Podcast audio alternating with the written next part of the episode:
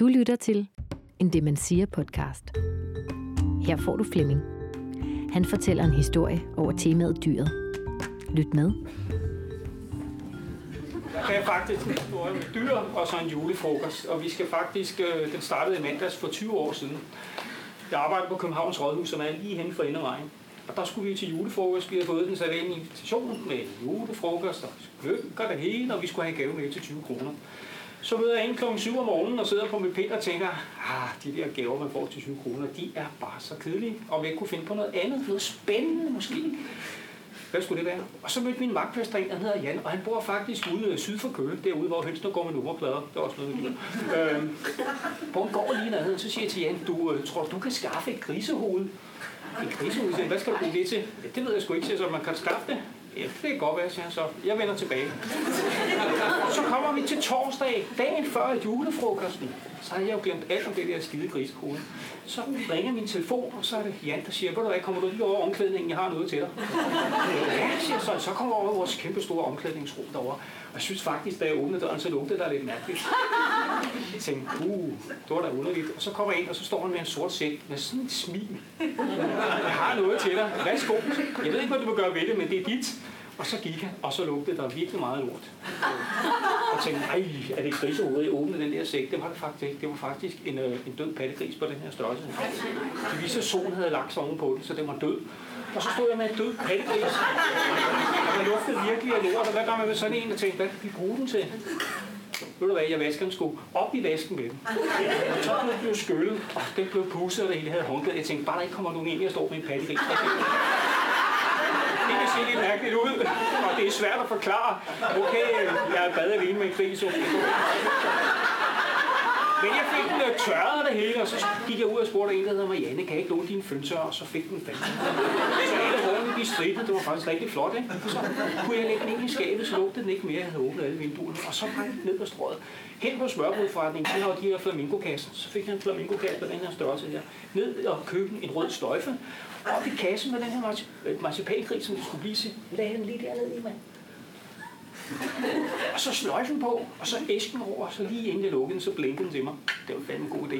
Og så pakkede jeg den ind, og så lagde jeg den i køleskabet. Og så siger Jan, jeg kommer over, hvad, hvad skal du bruge den der døde gris til? Han så, nu skal du bare se, jeg ved, i morgen der kommer Erik, du er en af mine kollegaer, han er altid drøs. Han er altid glemt at købe gaver til vores ugefrokost. Altid nogle gange, han havde gave med, så blev han buet ud, ikke? Og jeg ved, han kommer sidste øjeblik, ganske rigtigt. Fredag kl. 11, så kommer han, øh, kunne jeg få lov at gå over og købe en gave? Så siger jeg til ham, ved du hvad, Erik, du er svineheldig. Nå, siger han, hvorfor det? Jo, fordi jeg har jo været den bedste kone, hun har købt en gave til mig, og jeg har også selv købt en.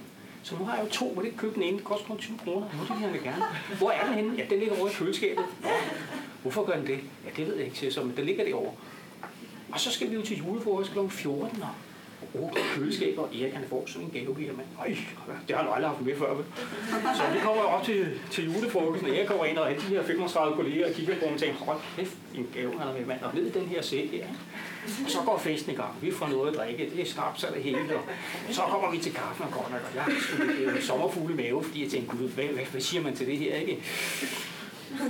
Og lige ved det bord, jeg sidder, der sidder Werner, vi kalder altid for Arne Werner. Han er altså en grådet type, han vandt de største gaver, det vidste jeg jo. Og så går den her pose rundt, og folk er godt skide fulde, du ene, og så helt til Werner, du han får fat i den store gave. Nøj, en gave, mand, ikke? Og alle rejser sådan, ikke? Selv jeg ikke lov på benene og hen og kigge på den her gave, så pakker han den ud. Og så siger den, jeg kan stadig huske lyden på det der flamenco-kasse. Og så sidder han lige der, og siger hold da kæft, marcipangris, mand. Nej, hvor er den stor. Og jeg er lige ved at tisse i bukserne gris. Jeg tror faktisk, der kommer lidt ud. Ikke? jeg, jeg var bare helt færdig. Og så mens han sidder på den her gris op og viser den til alle, så er en, der hedder Per, der sidder, sidder side af, han kommer til at røre ved den. Og så bliver han helt hvid i hovedet. Så siger det er kraftigt en rigtig død gris. Han springer op. Og så den her gris, den ryger op i luften, og så låser han til. Han er gammel fodboldspiller. Så den her pattegris, den bliver røget hen og gulvet og klasker ind i væggen nede den anden ende. Ikke? Og mens det sker, så begynder alle at skilles, om det var en rigtig god idé, eller om det var rigtig dårlig. At have den her øh, med til den her julefrokost.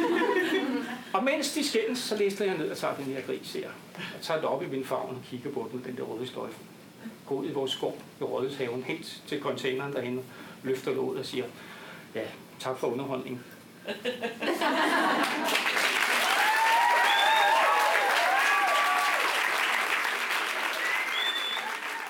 Du har lyttet til en Demensia-podcast fra Hørt. Find flere historier i iTunes og på hoert.dk.